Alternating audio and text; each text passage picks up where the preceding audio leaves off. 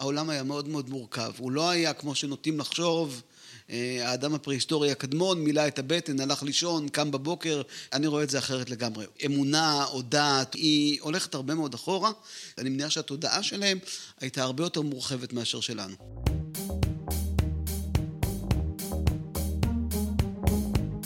המצב הפוסט-אנושי, פודקאסט על טכנולוגיה, תרבות ורוח, עם דוקטור כרמל וייסמן.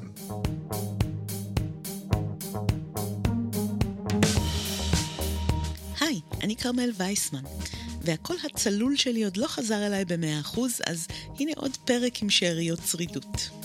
תראו, כשהתחלתי את הפודקאסט הזה, המטרה שלי הייתה לחלוק איתכם ואיתכן ידע שכבר יש לי, ולארח חוקרים וחוקרות שאני כבר מכירה. אבל כבר בפרק השישי, שיצא בדיוק היום לפני שנה, אירחתי חוקרת שלא הכרתי קודם, ולמדתי ממנה על עולם פרה-היסטורי חדש ומרתק, שעוסק בשאלות פוסט ופרה-אנושיות. היום נמצא איתנו פרופסור רן ברקאי, ארכיאולוג של תקופות פרה-היסטוריות, מהחוג לארכיאולוגיה באוניברסיטת תל אביב. לרן יש תיאוריה פוסט-אנושית מהפכנית על ראשית האנושיות, איך תמיד היינו פוסט-אנושיים, ואולי אפילו יותר מהיום.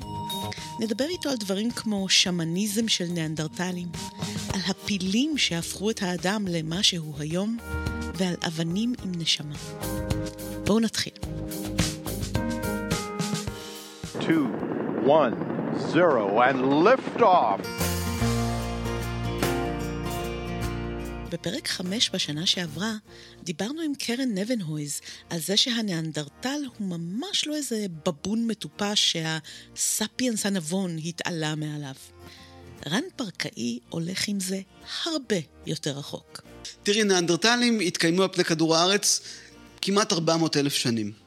אנחנו, הומו ספיאנס, בכל הכבוד לנו, עוד לא מגרדים את פרק הזמן הזה. כלומר, מדובר מבחינתי בבני אדם מאוד מוכשרים, מאוד מסוגלים, מאוד מותאמים לסביבה, עם מודעות מאוד גדולה, עם ערבות הדדית, עם שיתוף פעולה, עם אוטונומיה אישית, עם מה שלא תרצי, כך שמדובר בחיים מלאים לפני הומו ספיאנס.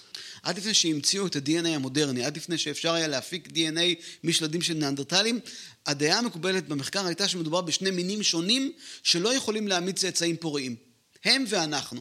בשנת 2000 וקצת, שהתחילו להפיק DNA, וב-2010 או 2008, שהפיקו ריצוף כמעט שלם של ה-DNA של בני אדם ניאנדרטלים, הוכיחו בצורה ברורה שאנחנו בני אותו מין, ויכולים להעמיד צאצאים פוריים, ואז גילו שכנראה בכל אדם מודרני מחוץ לאפריקה יש גנים של ניאנדרטלים, כלומר, אנחנו, את ואני, נושאים איתנו כנראה עד 4% מהגנום שלנו בא מבני אדם ניאנדרטלים. זה מרתק. אנחנו באובססיית הומו ספיאנס מטורפת. אובססיית עליונות הומו ספיאנידית מוגזמת לגמרי. זה חלק מהקולוניאליזם המודרני, מתחושת העליונות הלבנה, זה רעה חולה שצריך להיפטר ממנה. אנחנו לא יותר טובים מאף אחד אחר. אולי להפך. ואם יש הבדלים, אני לא בטוח שהם לטובתנו. בני האדם האלה חיו ברגישות ובתחושה של כבוד כלפי כל מה שהיה סביבם. הם התנהלו בצורה נבונה, בצורה מושכלת, הם הבינו את מגבלות הכוח שלהם. לא היה פשוט, אבל אני חושב שהיה רגוע. אנחנו מניחים שוב מהרבה מאוד השוואות לקבוצות ילידיות שחיות היום. שמרקם היחסים ביניהם היה של ערבות הדדית מושלמת, אחרת אי אפשר להתקיים. יש הוכחות לשיתוף פעולה. בין פרטים, בתוך קבוצה משלבים מאוד מאוד מוקדמים. הם הבינו שהם תלויים זה בזה, כמו שעדר של זאבים תלוי זה בזה. והם שיתפו פעולה, הם סמכו אחד על השני. מה שקשה להגיד עלינו. יש כאלה שמאשימים אותי בעודף רומנטיקה. מבחינתי זה לא עלבון. אחרי הרבה שנים שאני לומד את האנשים האלה דרך השרידים שהם השאירו, אני מבין שהם חיו בצורה של ביטחון מלא ב, ב, בסביבה, ביטחון מלא אחד בשני, מה שהיום אפשר רק לחלום עליו, אני חושב. אנחנו חושבים על ההיסטוריה בצורה ליניארית, ומניחים שבהכרח העתיד מתקדם יותר מהעבר, אבל זה לא תמיד היה ככה. פעם אנשים חשבו שלעבר הייתה חוכמה גדולה יותר שהלכה לאיבוד. אטלנטיס, חוכמת המלך שלמה, כל מיני דברים כאלה. אפילו פרנסיס בייקון, אחד מאבות הנאורות, ראה את מפעל המדע בעיקר כשחזור של הידע הקדמוני הזה. אז זה לא מופרך לחשוב שהיו לזני אדם קדומים איכויות טובות משלנו, כאלה שראויות לשחזור. אולי אלו בדיוק האיכויות שאנחנו צריכים לעורר בעצמנו כדי להתמודד עם המשבר האקולוגי שלנו. אין דרך חזרה. אבל יש מה ללמוד. אנחנו ממלאים את כדור הארץ בבני אדם בלי שליטה. הם לא עשו את זה, הם פעלו באופן אחר. שוב, מבחינה אבולוציונית, מבחינת ההישרדות של המין, שזה מה שמעניין מינים בטבע, הם היו הצלחה מסחררת. הם הצליחו לחיות ככה שניים, שלושה מיליון שנים. זה לא הולך ברגל. משהו שם עבד נכון.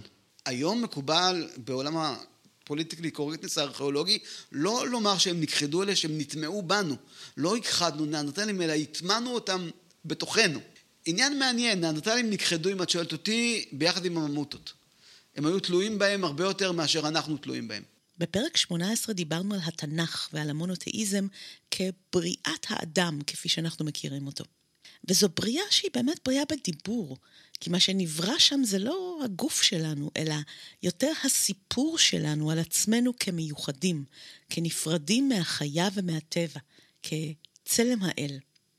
ועצם זה שהיה צריך בכלל תנ"ך כדי להביא לנו בשורה כזאת, רומז לנו שהדברים ממש לא היו ככה לפני זה. פרופסור רן ברקאי התפרסם לראשונה עם תיאוריה מרתקת לגבי תפקידו של הפיל בחיי האדם הפרה-היסטורי. מהחפירות שלו במערת קסם שליד ראש העין, הוא הסיק שהפיל הוא זה שהפיל את הניאנדרטל וברא את האדם, כלומר, ההומו ספיאנס. התגלית המרכזית לגבי הפיל היא המרכזיות של פילים לדעתנו באבולוציה הביולוגית והתרבותית של האדם. שזה דבר שלא שמו אליו לב מספיק עד עכשיו.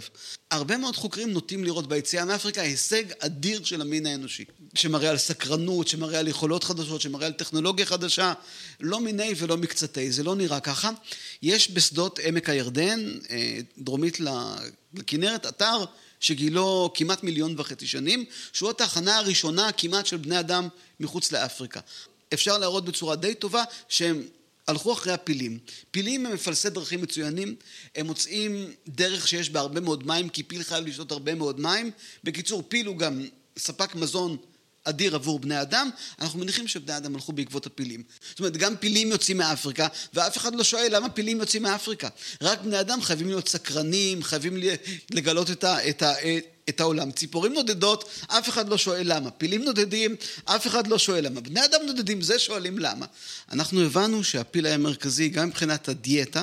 עבור בני אדם פרה-היסטוריים, כלומר הוא גם אפשר את הקיום האנושי, הוא גם אפשר את השגשוג האנושי, והדרמה הייתה כשפילים נעלמו. ואנחנו הצלחנו להראות שמיליון שנים, כל עוד היו פילים, דברים כמעט ולא השתנו. בני אדם לא שינו את אופן ההתנהגות שלהם, את הכלים שהם ייצרו, את הביולוגיה שלהם. ואז מתישהו היו שינויים משמעותיים, גם בביולוגיה וגם ב, גם בתרבות. אנחנו ניסינו להראות שהשינוי הזה קשור להיעלמות של, ה, של הפילים. הומו ספיאנס למשל שונה מהאב הקדמון שלו, הומו ארקטוס, בכך שהוא יותר קל רגליים, ההומו ספיאנס, הוא רץ יותר מהר ויש לו מוח יותר גדול. אנחנו הצענו שכדי להתגבר על זה שפילים לא היו, היה צורך לצוד לפחות 100 יחמורים כפיצוי על פיל בודד. ואז צריך טכניקות ציד אחרות לגמרי של בעלי חיים שנמלטים, שפיל לא בורח, לפיל אין אויב טבעי, אין לו ממי לברוח. זה לא משנה איזה פיל אתה מפיל, כל פיל הוא חבילת קלוריות אינסופית.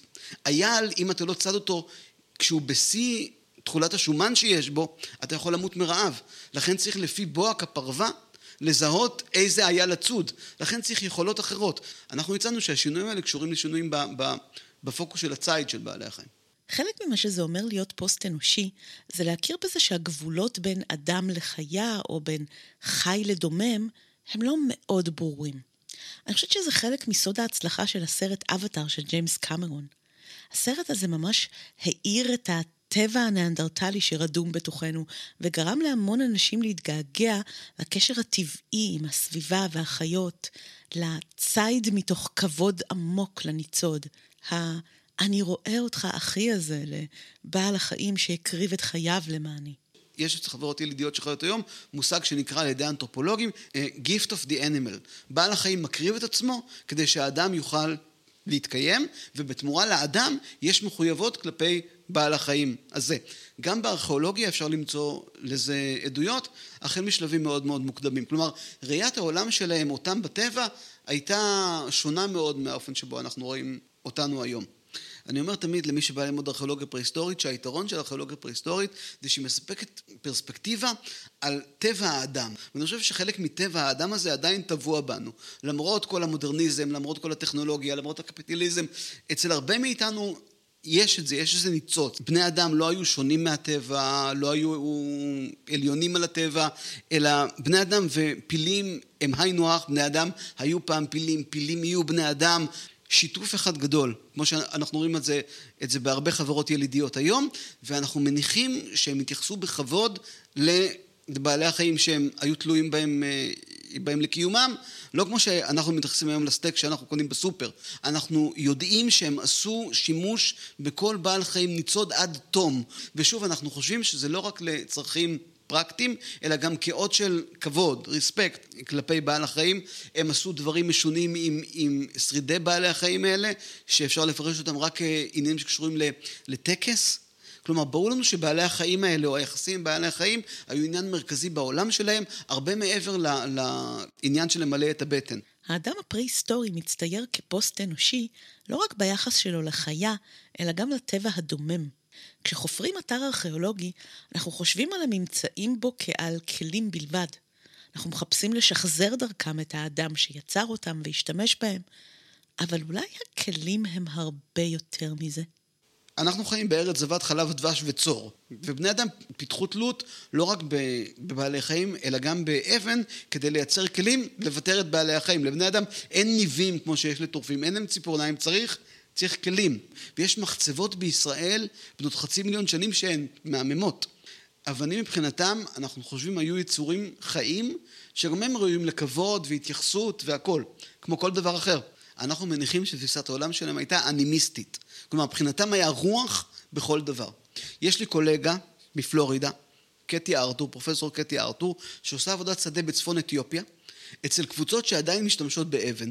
מבחינתם לאבנים יש מחזור חיים כמו של בני אדם. אבן נולדת, אבן עוברת התבגרות, אבן עוברת ברית מילה, עוברת חניכה, אבן מתבגרת ואבן מתה מבחינתם. יש להם מחזור חיים והיחס לאבנים הוא בהתאם. זה mind blowing, ושוב אני אומר, זה הופך את העולם שלהם לעולם שהוא לא רק פרקטי, הוא לא רק משתמש וזורק, יש לו יחסים, הוא מנהל יחסים עם כל גורם ב, ב, בעולם, ושוב יחסים של כבוד. אבל אף אדם הוא לא מושלם. גם הניאנדרטלים היו כנראה נגועים בנגע הרצון שלנו להיות ולהשיג יותר. גם הם הגזימו מתישהו עם הציד. לפי מה שאנחנו מבינים, כל תפיסת העולם שלהם אמרה קיימות. אנחנו מניחים שהדבר שהכי אכפת להם היה, זה לשמור על הקיים. מה השתבש שם זאת באמת שאלה מסקרנת מאוד. אה, אה, תראי, אני מניח שמבחינה חברתית, בקבוצה תמיד היו פרטים שרצו להגזים. תמיד היו פרטים שרצו להשתלט על משהו. אי אפשר להתחמק מהטבע האנושי, זה, זה שם. אבל היו מנגנונים כמו שיש, היום יש אצל קבוצות ציידים לקטים, יש מנגנונים לשיכוך כל הרצונות האלה. אני אתן לך דוגמה. יש קבוצות באפריקה, יש שם קבוצות של פיגמי שעדיין צדים פילים, ננסים שעדיין צדים פילים למאכל, לא לסחר בשנהב. הם צדים פילים בצורה ממושטרת לגמרי. הם לא צדים פילים בצורה אקראית, הם לא צדים יותר מדי פילים, הנשים קובעות מתי הגברים יצודו את הפיל, ואם יש צייד צעיר שתאוות הציד שלו עולה על גדותיה, הן מסלקות אותו מהקבוצה. אני מניח שמתישהו זה נפרץ, הסכר נפרץ. מתישהו זה יצא משליטה, ההיסטוריה חוזרת על עצמה, או הפרה-היסטוריה חוזרת על עצמה. או במילים אחרות, לפי ההבנה שלנו, בני אדם כרתו את הענף עליו הם ישבו לאט לאט. קודם כל נעלמו הפילים. לאחר שהפילים נעלמו, בני אדם עברו לאכול את בעלי החיים הגדולים הבאים בתור. ואז גם אלה נעלמו. וכך הלאה וכך הלאה וכך הלאה וכך הלאה, עד שעברו לביית בעלי חיים. כלומר, זה השלב הראשון מבחינתנו בשרשרת, שהביאה לביות של בעלי חיים. בני אדם מגזימים, בעלי החיים נעלמים, הכחדות, אה, עד שלא נשאר יותר מה לאכול, ואז צריך לביית בעלי חיים ולביית צמחים וכן הלאה. לפי התרחיש שלנו. לא כולם קונים אותו עדיין, זה די חדש, זה ממש אה, פורסם בשנה-שנתיים האחרונות, אחרי הרבה שנים של עבודה, אבל זה קו המחשבה. רן פרסם השנה ספר מרתק יחד עם תלמידו אייל חלפון, בשם "היו כאן לפנינו", ובכאן הכוונה לארץ ישראל.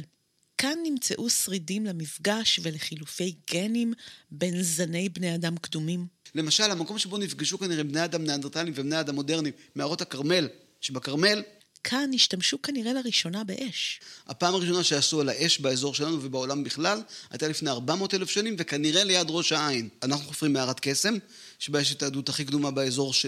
שלנו ובעולם לשימוש באש לצליית בשר, ושוב, הסיבה היא בגלל שלא היו פילים. אנחנו מציעים שהשימוש באש היה כדי להפיק כמה שיותר קלוריות מכל חתיכת בשר. כאן הייתה הארץ המובטחת ליוצאים מאפריקה.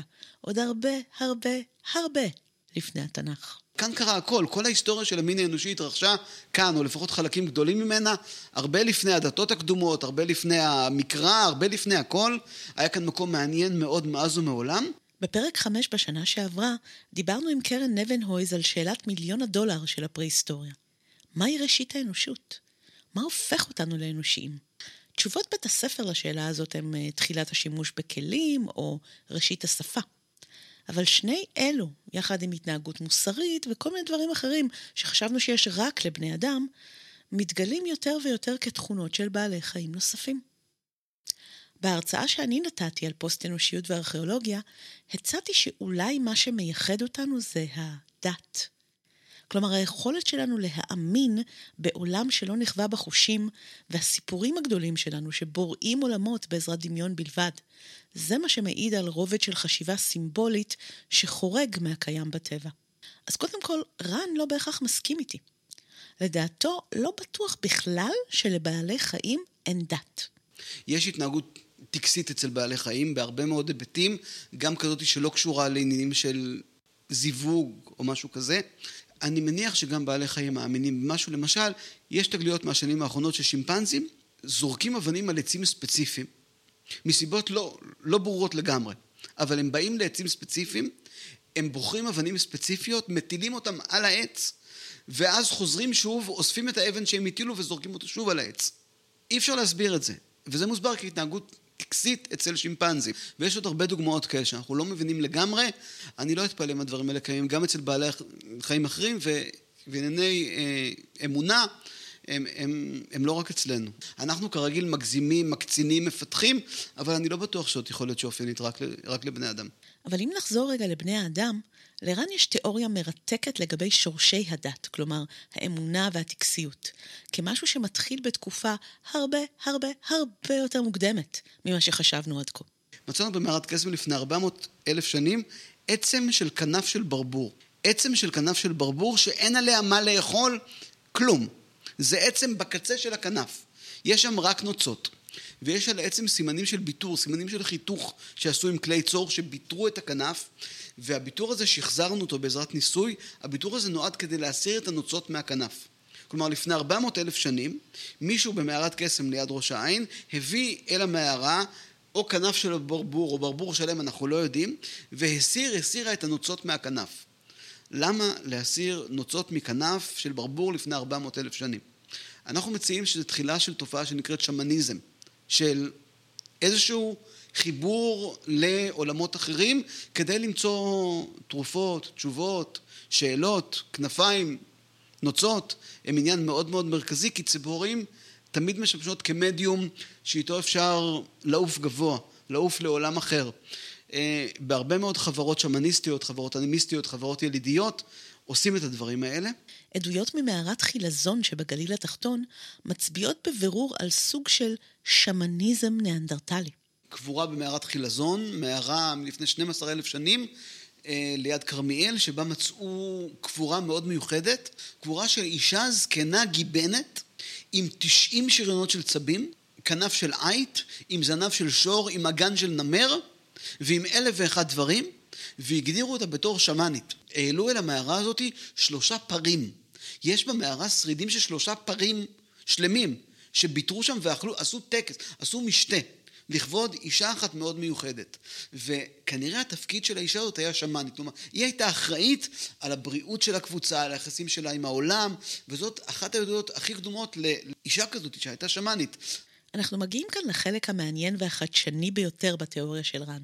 הניסיון שלו להתחקות אחר מרכיבי האמונה והריטואל של אותם ניאנדרטלים קדומים, הוביל אותו להסבר מאוד לא שגרתי אבל לגמרי הגיוני, לדברים שמוכרים לכולנו, כמו ציורי מערות למשל.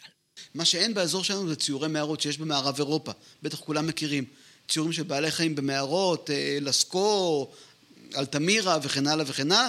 אף אחד לא שואל למה בני אדם קדומים נכנסו למערות עמוקות וחשוכות וציירו שם בעלי חיים.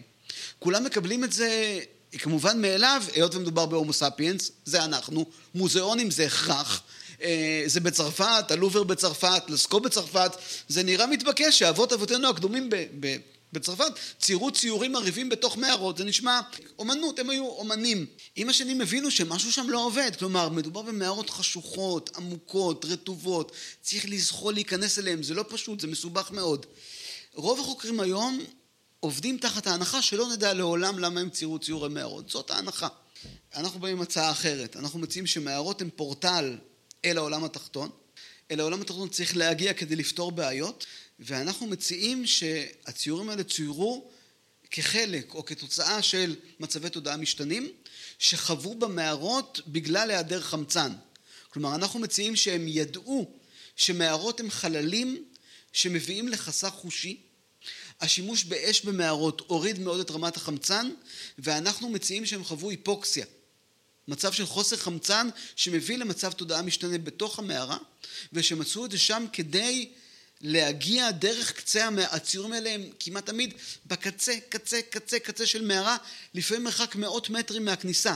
יש עדויות חד משמעיות לשימוש באש, הם נכנסו לשם עם לפידים, מה שהוריד מאוד את אחוז החמצן, מה שהביא בהכרח להיפוקסיה, כלומר הם חוו מצבי תודעה משתנים, או הם הרחיבו את התודעה שלהם בעמקי המערה, והם עשו את זה שוב לטענתנו כדי להעביר מסרים למי שיש מאחורי המערה.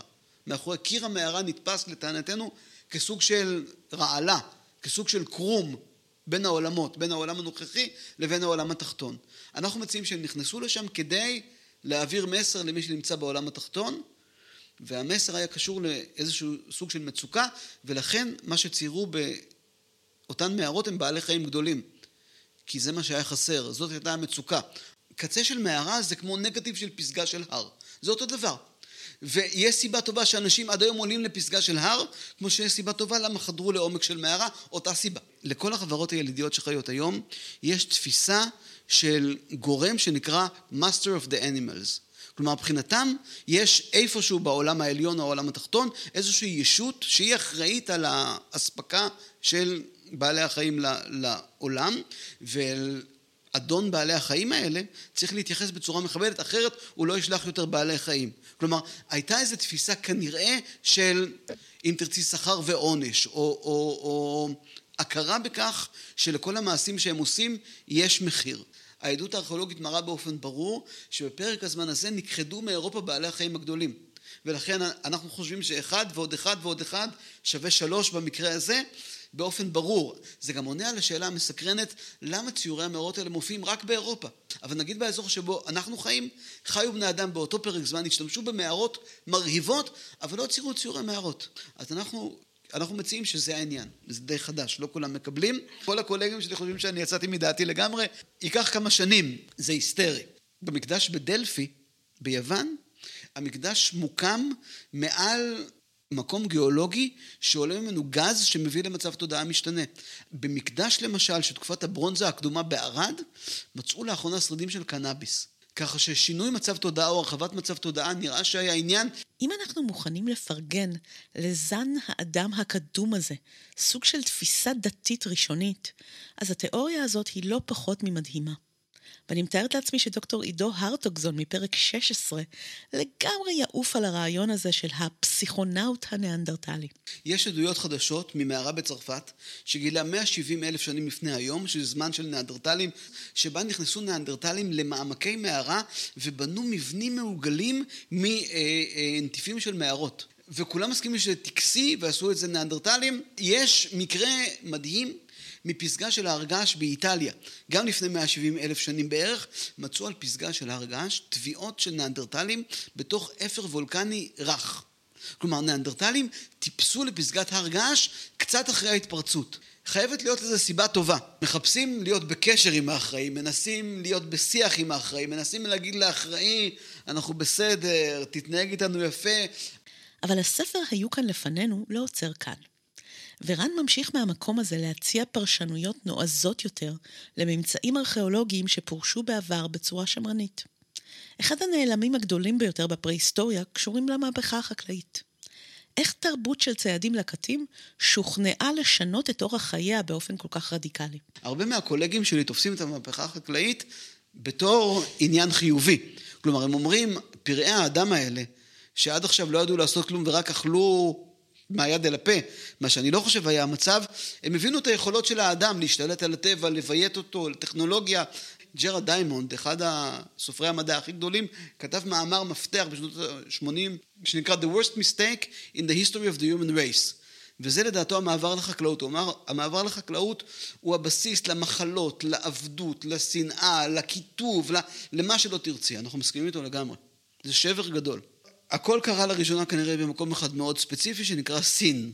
סין כנראה הקדימה את זמנה מאז ומעולם. אנחנו יודעים שהביות של האורז התחיל בסין הרבה לפני שהתחיל כאן הביוט של החיטה.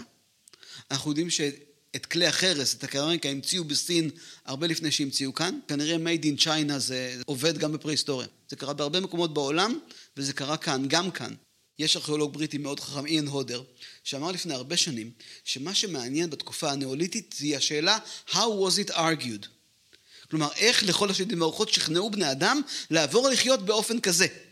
איך משכנעים בני אדם לרעיונות שנראים למישהו מבחוץ מעוותים לגמרי? איך משכנעים בני אדם להצטרף לכתות, דתות? התיאוריה של רן לגבי זה מבוססת על מגדל אחד ביריחו. מהפכה חקלאית, זה השלב שבו, שבו בני אדם הפסיקו להשתמש במה שהטבע סיפק להם ועברו לייצר מזון, שלחו יד גסה לטבע, בחרו מי ימות, מי יחיה, מי יתרבה, מי לא יתרבה, וזה התחיל צעד אחרי צעד. הצעד הראשון זה הצעד שבו בונים מבנה ענקי בכפר שבו לא היה מבנה כזה אף פעם. בנו מגדל וחומה בכפר רגיל של צעדים לקטים, out of nowhere. איך שכנעו אותם לעשות את זה? איך שכנעו אותם לקבל הוראות? איך שכנעו אותם לבנות כזה דבר? איך הצליחו לשכנע אותם לעבור לעבוד בשדה? לעבוד בפרך. אנחנו חושבים שהיו פרטים בתוך הקבוצה, תקראי להם כהנים, שזיהו את ההזדמנות להשתלט על העסק. וההזדמנות הייתה קשורה שוב למצוקה מאוד מאוד גדולה, לתפיסתנו, לכך שבעלי החיים נעלמו כמעט כולם, ולא נשאר יותר מה לאכול. ואז היו פרטים בקבוצה, אלה שאולי קודם היו שמאנים ודאגו לרווחת הקבוצה, היו כאלה ביניהם שזיהו הזדמנות להשתלט על העסק, ואז היה הבקע הגדול, ואז התחילה ההיררכיה, התחילה שליטה, התחילו כהנים, התחיל תיווך, לתפיסתנו. ושוב, הכל קרה כאן בעמק הירדן ביריחו. אנחנו מציעים חיבור בין המגדל ביריחו לפסגת הר, הר הקרנטל שמשקיף על יריחו ועל שקיעת השמש, והראינו שהמגדל בנוי בזווית ברורה שקשור לקרנטל ולשקיעה של השמש ביום הכי ארוך בשנה. מי שעמד על המגדל כמו החזיק את השמש בכף ידו כשהיא שקעה. וזה אלמנט של כוח מדהים, מניפולציה אדירה. ולא רק זה, הראינו בסימולציית מחשב מאוד יפה, שכשהשמש שוקעת, הצל של הקרנטל חודר אל הכפר דרך המגדל. זה סופר אפקטיבי. יש פה חיבור קוסמי בין השקיעה של השמש לפסגה של ההר הכי גבוה, שהוא המקור של המים, המקור של השפע והכל.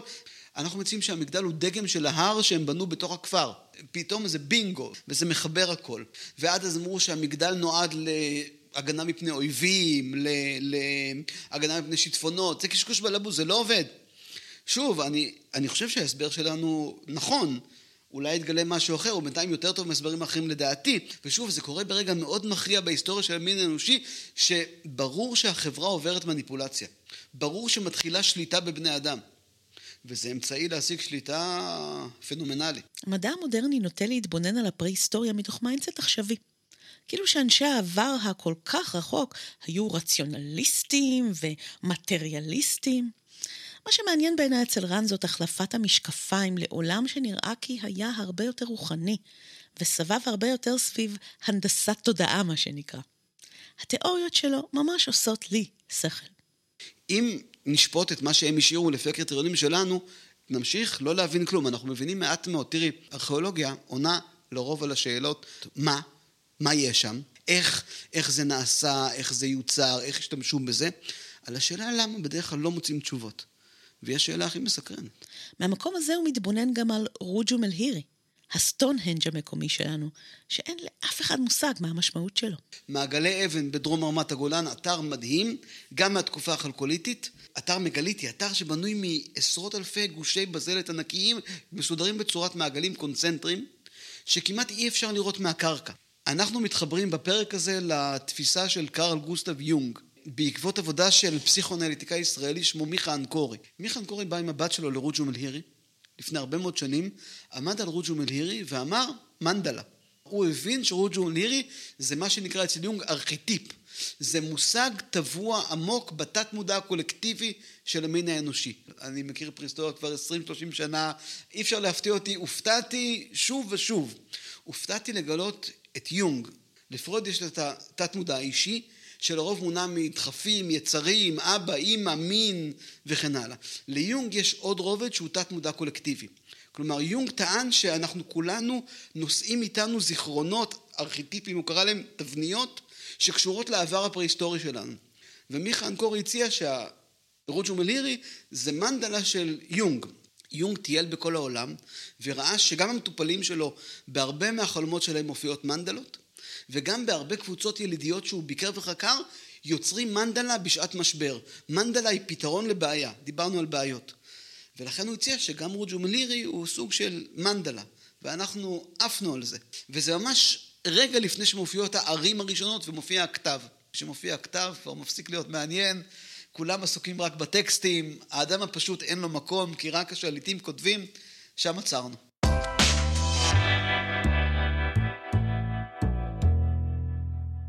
בדומה לרן, גם מרשל מקלואן לא חיבב את הכתב. והוא עוד היה פרופסור לספרות אנגלית. הוא חשב שמאות שנות כתב, ובייחוד מאז הדפוס, הפכו אותנו למרובעים ואנליטיים מדי, והרחיקו אותנו מהטבע, ולכן הוא כל כך חגג את המצאת הטלוויזיה. הוא חשב שהטלוויזיה מדברת אל האדם האוראלי והשבטי שאנחנו, ובשנות ה-60, כשלא היה פוליטיקלי קורקט עדיין, הוא ממש כינה את זה האפריקאי הפנימי שבכל אחד מאיתנו. גם רן חושב שיש נאנדרטל פנימי בכל אחד מאיתנו. ליטרלי באחוז קטן של הגנים שלנו, מסתבר. ושלאור המצב, אולי חשוב להאיר בנו את האיכויות שלו. אבל אולי זה גם מעט מדי ומאוחר מדי. העולם הרי השתנה ללא הכר. הטבע כבר כל כך רחוק, ואנחנו כבר כל כך עמוק במאבקי שליטה איתו. היום רובנו כבר לא עולים לפסגות הרים ונכנסים למערות ולא מחפשים את אלוהי בעלי החיים. הטכנולוגיה היא שהפכה לבת הברית הלא טבעית, שאנחנו תולים בה את תקוותנו לגאולת דאוס אקס מקינה מהמשבר שנקלענו אליו. הנתיב הטבעי-חייתי והנתיב המשודרג טכנולוגי הם שני נתיבים שונים ואפילו הפוכים של הפוסט-אנושי, וכל אחד מהם עשוי להוביל לעתיד שונה. אז התפיסה האנימיסטית העתיקה אכן מתעוררת בנו היום, אבל באופן אירוני היא מופנית כלפי הטכנולוגיה במקום אל הטבע, כשאנחנו רוקמים יחסים עם מחשבים ומכונות. בעיניי האסתטיקה הכמו אנושית והסימולציה הכמו טבעית הם רק כיסוי מרשים יותר ליחסים שאבותינו ניהלו עם אבני צור. בפרק 5 בשנה שעברה, קרן הציעה שאבן הצור שהאדם הקדמון הלך איתה ביד, הייתה קצת כמו האייפון שלו. ורן הוסיף לנו היום עומק לאנלוגיה הזו. אבל אולי במקום לקחת את זה לפטיש של יחסים עם רובוט או עם אבן, אנחנו צריכים להפנות את איכויות הנאנדרטל הללו דווקא פנימה, אל הטבע האנושי שלנו, אל יצירת מנגנוני האיזון הפנימי בין הדחף להישגיות וצמיחה לבין ענווה וקיימות. אולי רק הטבע הפנימי זה הטבע שעדיין נגיש לנו וגמיש לנו, ואולי משינוי הגישה והתודעה עוד יהיה אפשר לשנות משהו. אז עד כאן להפעם. חג שמח ושנה טובה, ואנחנו נשתמע, אני מקווה שבקול צלול יותר, בעוד שבועיים.